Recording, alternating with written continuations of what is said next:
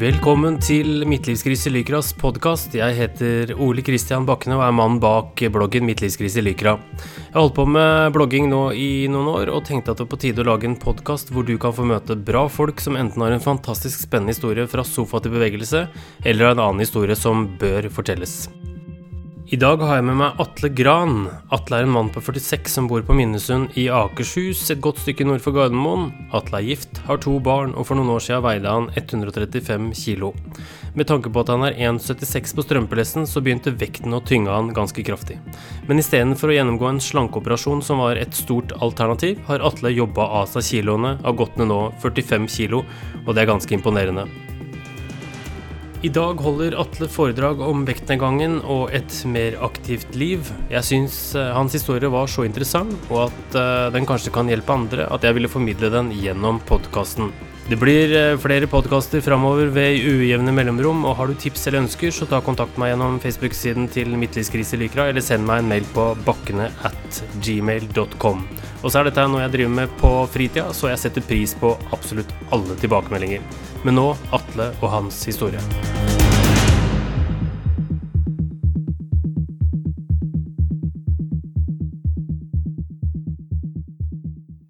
Og så sier jeg først og fremst eh, tusen takk for at du har lyst til å være med på podkasten, Atle. Bare hyggelig. Du er jo en mann som eh, jeg har eh, blitt egentlig ganske godt kjent med etter hvert. Eh, og du har vært med på en del av de aktivitetene til, til bloggen. Eh, løpekvelder og Team RB også på BDO-mila. Og eh, det har jo vært eh, interessant å, å møte deg. Og så eh, har jo jeg hørt litt om historien din litt før, eh, men jeg har på en måte ikke fått liksom, dypdykke ned i historien din, for jeg syns det er litt interessant med dette her rundt hva du har gått gjennom de siste åra. Og, det rundt alternativ slankeoperasjon. Men kan ikke du først fortelle litt om deg sjøl?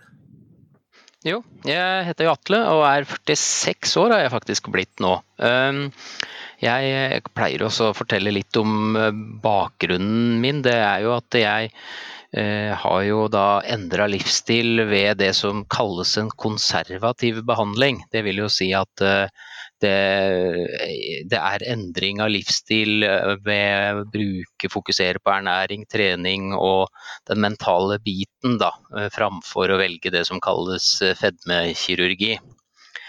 Litt sånn korte trekk så har jeg vel egentlig gått opp i vekt siden videregående. Og gikk oppover til ja, fram til jeg møtte hun jeg er gift med nå, så eller når jeg møtte hun, så begynte jeg å gå mer opp, eh, faktisk. Det var sikkert litt for da hadde jeg noen Jeg trengte kanskje ikke å se så attraktiv ut, eller eh, sånn. Eh, og da, i perioden etter der, så ble hun gravid med første sønnen vår. Og da ble det det etter det som jeg, jeg kalte sympatigravid med hun, sånn at jeg gikk mer opp i vekt. Så jeg har nådd en del topp topper, og det toppa seg for En av dem var rundt 2012. Og da eh, var jeg på et eh, opplegg oppe på Idrettens helsesenter som da fokuserer på, på liksom livsstilsendring eh, på de tre områdene. Mm. Og det som jeg på en måte Altså det man spør med en gang når man hører om sånn historie, hvor, hvor stor var du? Eh, jeg var vel rundt 135 kilo, tror jeg det var jeg veide på det meste. Mm, og det er, det, er, det er, nok for deg? Ja, det var, det var, mer enn nok, det. Det var vel en sånn BMI på en Når man bruker det kanskje på en 43-44 eller noe sånt nå. Sånn at det er jo da mer, mer, enn nok. Det er vel på fedmeklasse 3 eller noe sånt. nå, Og det hadde jo en del problemer med, med både ja, alt i blodet, holdt jeg på å si, i forhold til både kolesterol og, og, og, sånne ting. Sånn at det man kaller vel egentlig et metabolsk syndrom, da, sånn sett. For hvor, uh, hvor, ille var det sånn i hverdagen? Andpusten i trapper og når du prater og litt sånn, eller hvordan var det?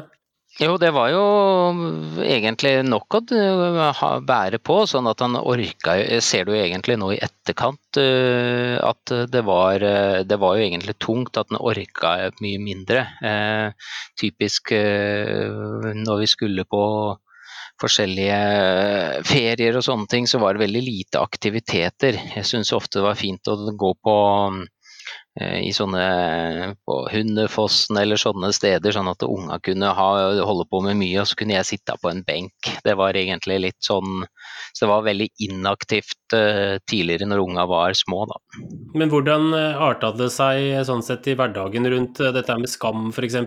Hadde du noen tanker rundt det, eller? Nei, egentlig ikke. Jeg Eh,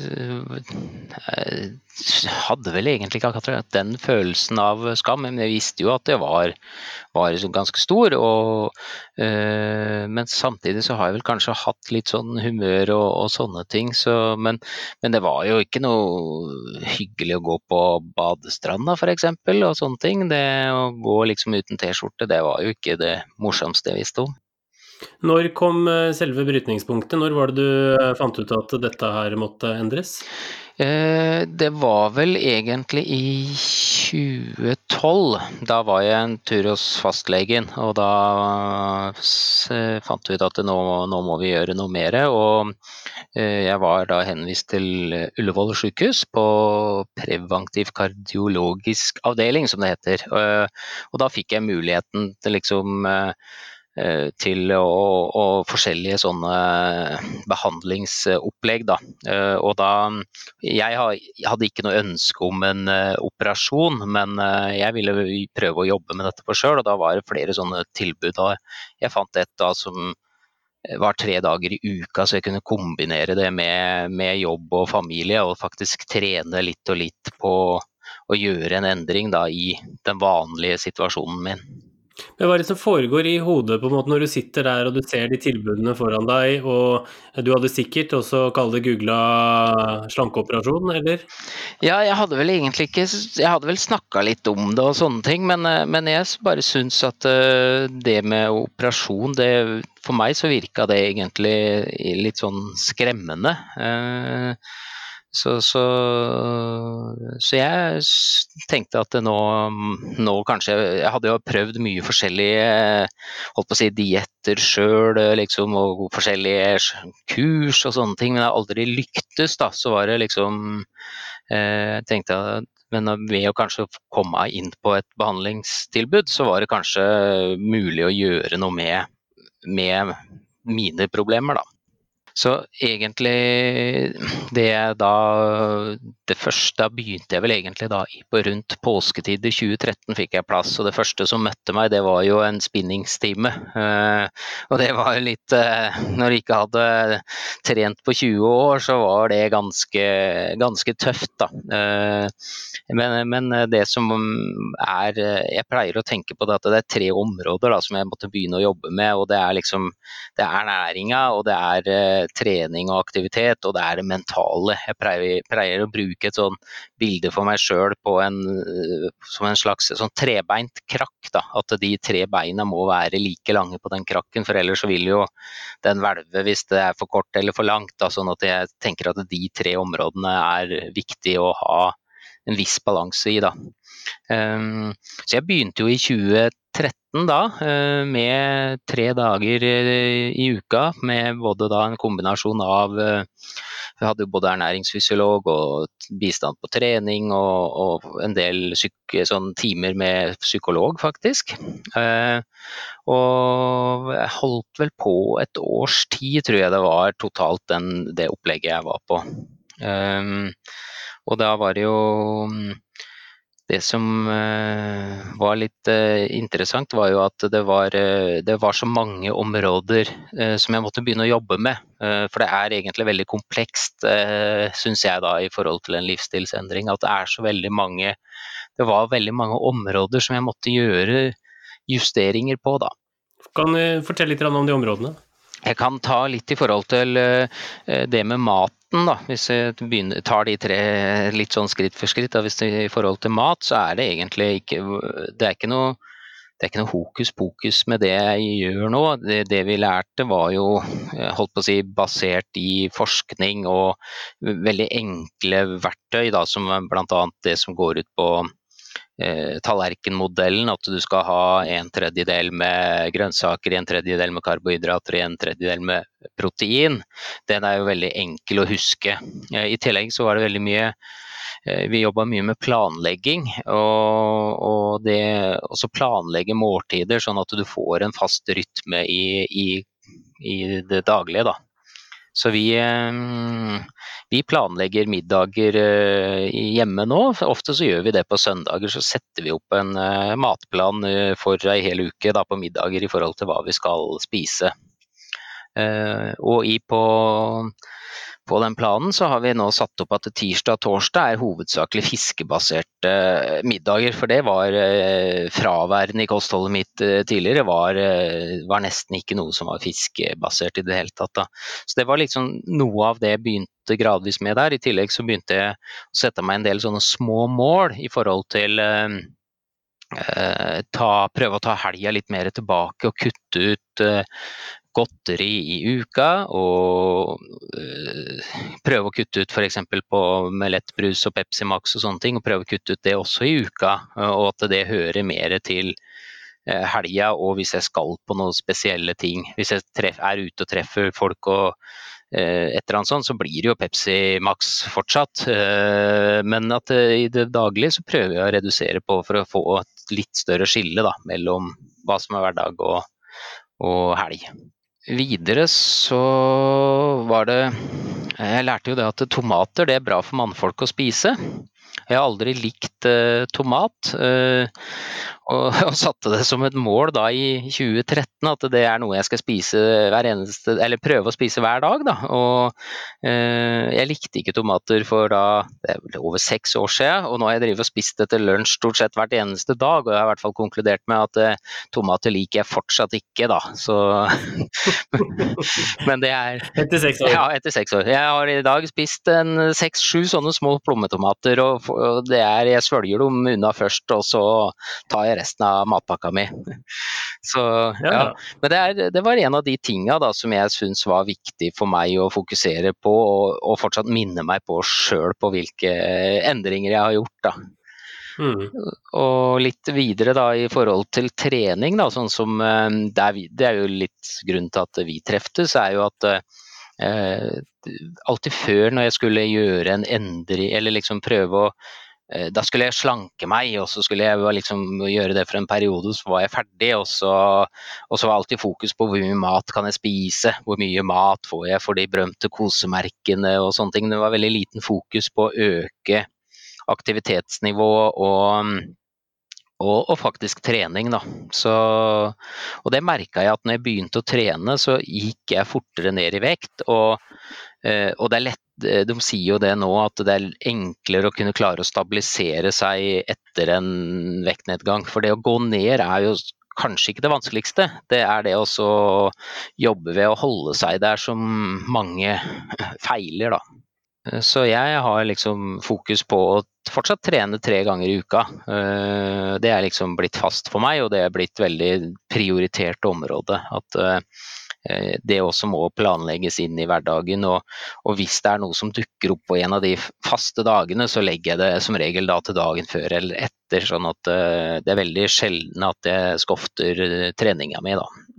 Og så er det da i forhold til den mentale biten, det var jo egentlig det som var vanskeligst å jobbe med, syns jeg. For det liksom mannfolk og følelser og den biten der, det har jeg alltid sett på som noe holdt på å si noe tull, det henger liksom ikke sammen og, og, sånn at vi mannfolk har følelser. Men eh, når vi begynte å jobbe med en del av de oppgavene, så var det eh, fant jeg jo faktisk ut at eh, det er veldig mye følelser knytta til mat. Da, og hvorfor, eh, hvorfor spis, spiste jeg for mye? Det var jo at jeg brukte det som en form for belønning når jeg hadde vært flink eller gjort et eller annet. Så skulle jeg liksom kose meg med mat eller godteri og den biten der. I tillegg så det som jeg syns var det var jo faktisk ubehagelig å jobbe litt med, var at jeg fant ut at jeg hadde en form for eh, grådighet i forhold til eh, mat, da. At jeg var redd for ikke å få nok mat. Jeg skulle, ha, jeg skulle ikke dele med andre. og eh, Det var sånn at jeg da f.eks. lurte med potetgull opp eh, på loftet på TV-loftet og forbi kona mi og unga uten at de skulle få det. Og, så det var jo, eh, Når en ser tilbake på det, så det er jo, holdt på å si, jeg var jo en grådig person, og det var liksom ikke noe hyggelig å egentlig finne ut det om deg sjøl. Men da, da, da, kom jeg Klarte jeg å være mye mer ærlig med meg sjøl og kom mye mer inn, inn da på faktisk hva, hvor utfordringene mine lå. Mm.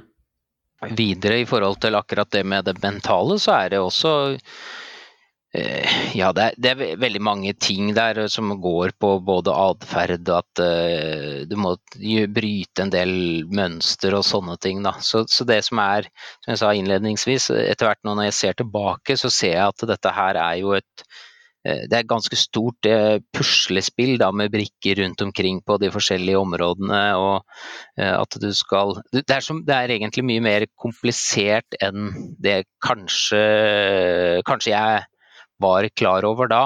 Ehm, for det, det jeg tror er at eh, jeg fant et opplegg som passa meg, eh, men, eh, men, jeg er ikke sikker på om det opplegget jeg har gjort, passer for alle andre.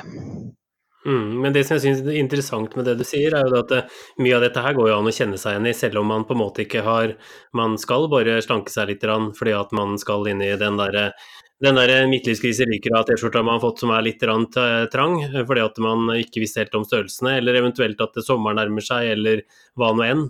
Eh, eventuelt også den grådigheten når det gjelder det med å spise. da. At man er redd for at man ikke skal eh, få nok potetgull eller sjokolade. Eh, man kan jo kjenne seg igjen i litt av dette her. Ja, det, jeg, jeg, tror det er den, liksom at vi har det litt alle i oss, men kanskje i forskjellig, forskjellig grad, da, sånn sett. Eh, og, og når jeg fant ut uh, Dette er jo ikke håper å si, dette er jo ikke en hyggelig person, egentlig, at, uh, som ikke vil dele med andre og sånne ting. Men jeg har ikke noen forklaring på hva det var, og, det sitter jeg fortsatt ikke Hvorfor jeg var sånn, den sitter jeg fortsatt ikke med noen svar på, da. Men men eh, Og det er det jeg tenker at eh, også var det også, som jeg ikke var inne på i stad, det er jo også i forhold til eh, Jeg har hatt veldig god støtte hjemme i kona mi, og, og i forhold til Hun har alltid vist interesse i forhold til, til dette her som jeg har vært igjennom. og både utfordra meg og ja, vi begynte jo med at jeg måtte jo fjerne må, Kunne jo ikke ha godteri, særlig potetgullet, da, i nærheten og, og sånne ting. For da, da, da forsvant det jo. Så vi ble enige om at hun skulle gjemme godteri for meg. Da. Så hun gjemte det jo rundt omkring i huset da, på de merkeligste steder. Og jeg var jo på leiting etter dette her på kveldstid. og etter hvert så gikk jeg jo fag... Ja, jeg leita etter potetgullet, ja. Ja, ja, ja, du var ordentlig på Men med, med godkjennelse, eller uten? Nei, nei, det var jo ikke, var jo ikke godkjent. Og hun gikk jo tom for gjemmesteder etter hvert. Eh, for det var en periode jeg ikke fant noe, og da hadde jeg gjemt det inni klesskapet mitt, så altså, da tok det litt tid før jeg fant det. Eh, men eh, det, det er jo fortsatt noe som jeg har litt sånn problemer med, er, er at når vi har det i huset fortsatt, at Eh, særlig på kveldstid, at uh, kanskje når du er litt sliten etter jobb og har gjort forskjellige ting, at uh, viljestyrken nok er litt lav, så er jeg på jakt i skapet og ser om jeg finner noe godt. Uh, det kan være alt mulig, det. Og, og ligger det da en åpen pose fra helga eller et eller annet sånt, så er det veldig fort og gjort å ta ta litt av den. Så, mens uåpna poser, det får ligge i fred nå, da, faktisk.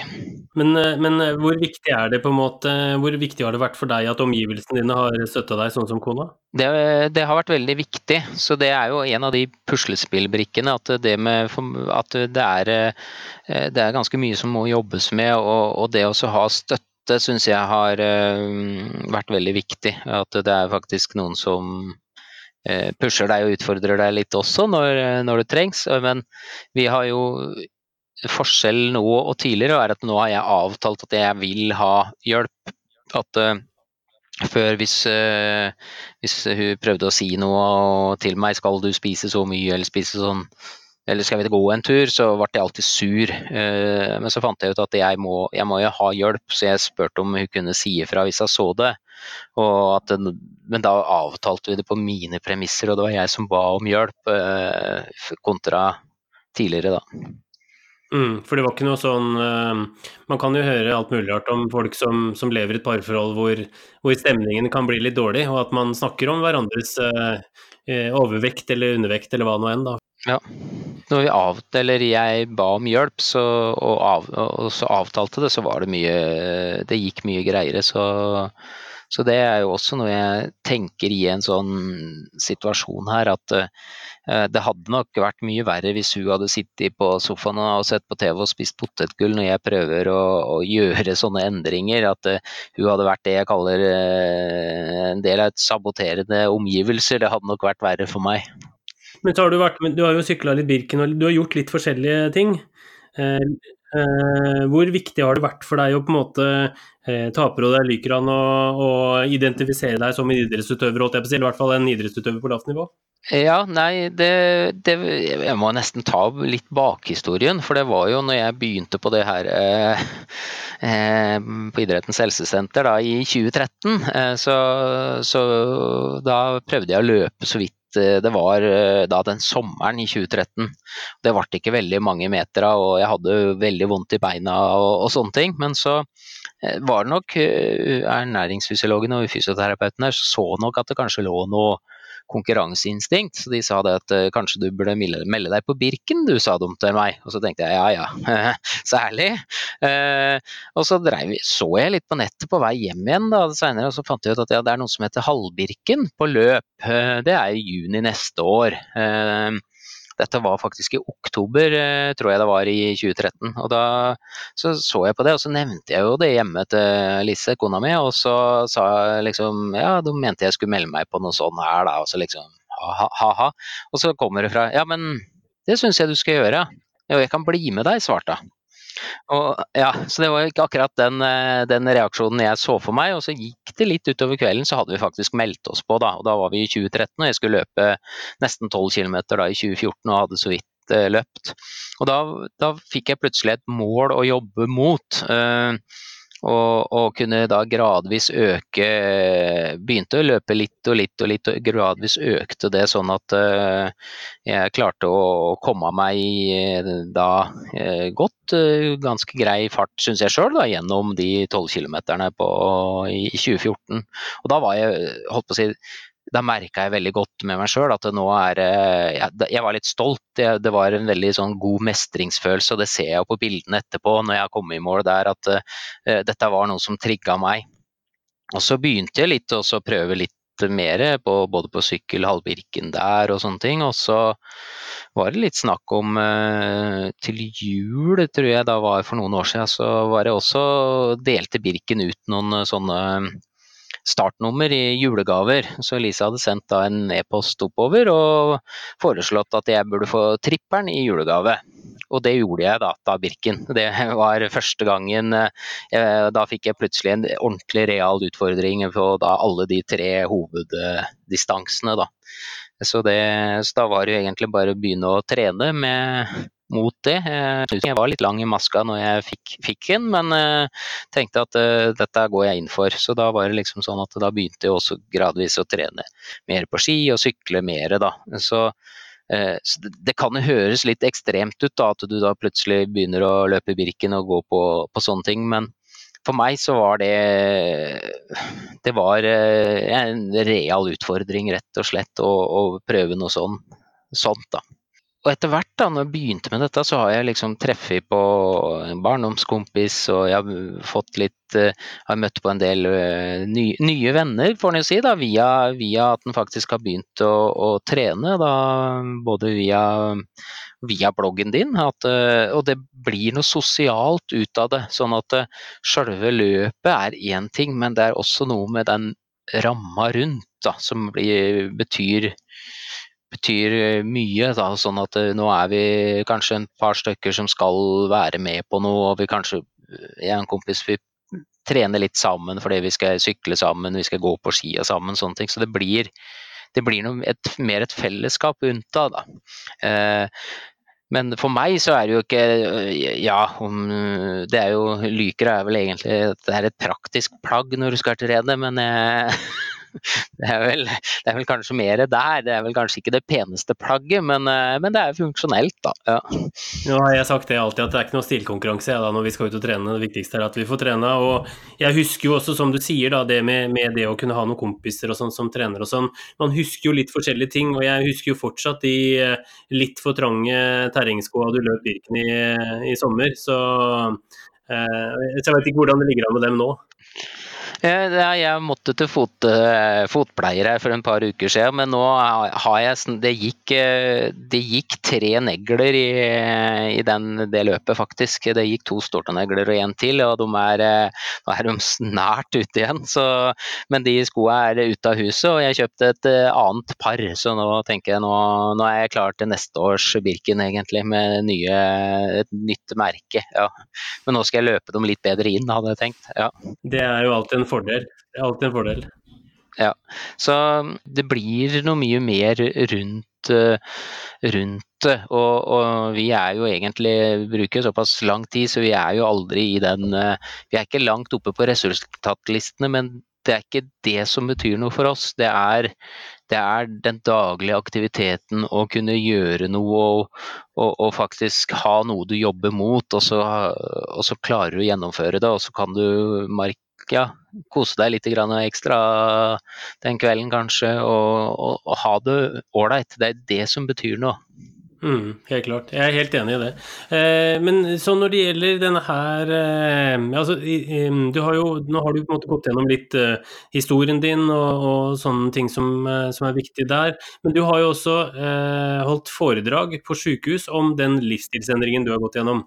Ja, eh, jeg har eh, vært litt, eh, litt, litt rundt omkring. Jeg har, er med i et sånn det kalles et brukerpanel, bl.a. At jeg forteller litt til på Lærings- og mestringssenteret på Aker sykehus. Det er Jeg forteller jo min det, det, kortversjonen da, av det jeg egentlig har fortalt uh, nå. Dette om liksom mi, min uh, behandling. Uh, og så er det Der møter jeg også i de brukerpanelene, så er det også en del da som har gjort en del sånn Det heter jo fedmereduserende kirurgi, heter det jo faktisk. som også forteller om sine erfaringer da fra den. Sånn at det har gjort en vært med på en del ganger. Jeg er også tilbake, eller jeg har vært eh, på Idrettens helsesenter og møter nye grupper der og forteller eh, eh, en litt, litt, lengre versjon av det her, og, og til nye grupper der. Ja, så jeg har vært litt sånn rundt omkring. Jeg var med på fedmeforskningsdagene nå og holdt et kort innlegg om mine erfaringer. Så, så jeg er litt rundt omkring og, og prøver å dele av, av mine erfaringer. Da, og utfordringer og hva jeg har jobba med. Hvordan er tilbakemeldingene?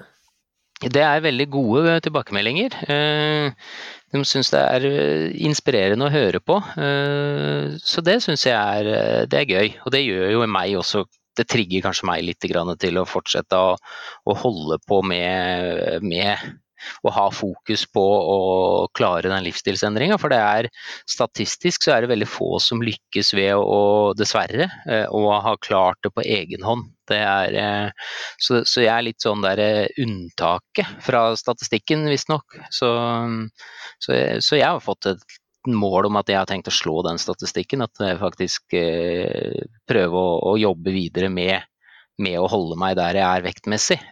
For det, ja, så det er litt blitt et av de nye hovedmålene mine, da. Hvor mange det, i risikogruppen møter du når du er ute nå? Er det, er det mange som, som kan, kan, få hjelp, mer hjelp av, av, sånne som deg som har vært gjennom det?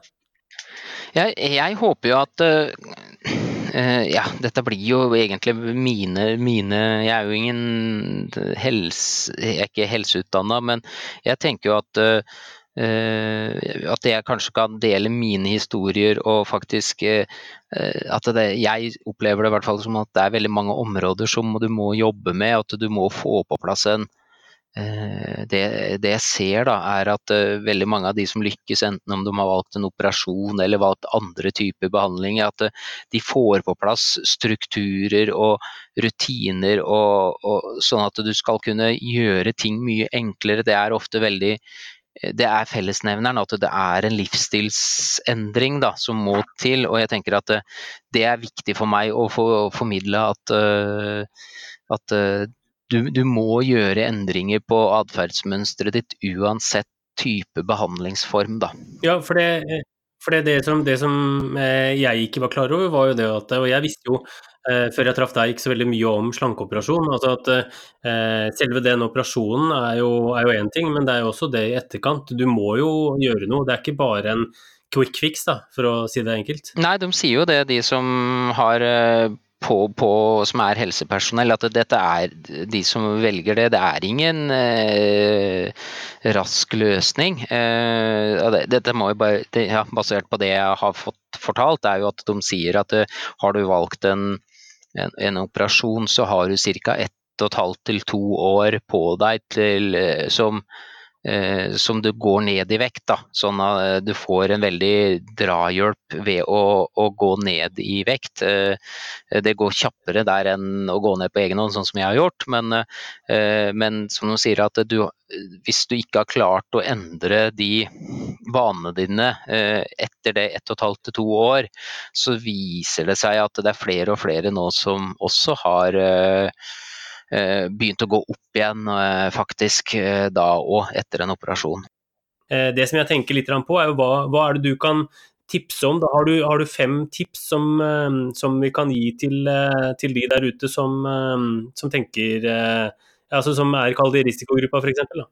Uh, ærlig med seg sjøl. Uh, den den, er, uh, den syns jeg var tøff. Det er Han må faktisk kjenne litt på, på hvorfor vil man gjøre en endring, og faktisk Eh, mene det. Eh, det er eh, Jeg var sånn at jeg, jeg bør gå ned i vekt fordi det er sunt for helsa mi, men, men det, det, var jo egentlig bare et litt sånn svada mål. Men at når jeg begynte å være ærlig med meg sjøl, hvorfor vil jeg gjøre en endring? Hvorfor er det viktig for meg? Det er, det er, et godt tips, tror jeg. At du må, du må komme inn i skallet til deg sjøl og jeg så for meg egentlig to framtider uh, fremover. En, en, som fortsatt var stor og tjukk, og en annen som gikk ned i vekt og fikk bedre helse og, da, og kunne gjøre mer ting. Og da, da var det den, den, uh, den ny, nye versjonen av meg sjøl som jeg ønsket. Da. Og, så det er nok uh, å, å, være ærlig på at en vil gjøre en endring. Eller så er det, som jeg har vært innom, planlegging, rutiner. Uh, uavhengig om det er mat eller um, trening, er uh, å få på plass strukturer. Uh, jeg tror veldig mange sliter med struktur i forhold til mat. Det at noen kanskje spiser eh, veldig ureglementært. Kanskje ett stort måltid seint på dagen. Og, eh, og, og, og, få på plass da strukturer og planlegge mer er nok eh, også et godt eh, tips. Og så er jeg jo jeg er også en Syns det å få øke, øke aktiviteten og starte med trening det var eh, merkelig for meg å begynne med, men uh, å prøve å få å gjøre noe der. For da jeg merker at da kan jeg faktisk unne meg litt mer i helga og, og, kanskje kose meg litt i ferier og sånne ting. Men å faktisk uh, få på plass uh, mer trening, det tror jeg er undervurdert. Så, så det tror jeg er et godt tips. Støtte få noen rundt deg til å backe deg opp. Uh, avtal hva du vil at de skal støtte deg med, hvor, hvilke områder uh, skal, de, uh, skal de utfordre deg på. det er jo veldig ålreit hvis du har noen da, som du kan begynne å trene sammen med også. Um, I tillegg, at det blir noe mer ut av det. Ja, at du må faktisk eh, utfordre deg sjøl òg. Eh, faktisk komme deg litt ut av komfortsona. Eh, og, og så, det er egentlig litt sånn at det faktisk så Det er en jobb som må gjøres, så det er, det er ingen andre enn deg sjøl som gjøre, kan gjøre den jobben. Så komme deg litt ut av komfortsona og faktisk eh, gjøre en jobb. Det tror jeg også kan være et, eh, et tips. Mm, ja. Men eh, kjempefint, eh, og tusen takk for at du var med, Atle. Her er det veldig mye positivt og veldig mye interessant eh, som man kan ta med seg videre. Og så ønsker jeg deg lykke til videre med foredrag og 2020 og livet videre.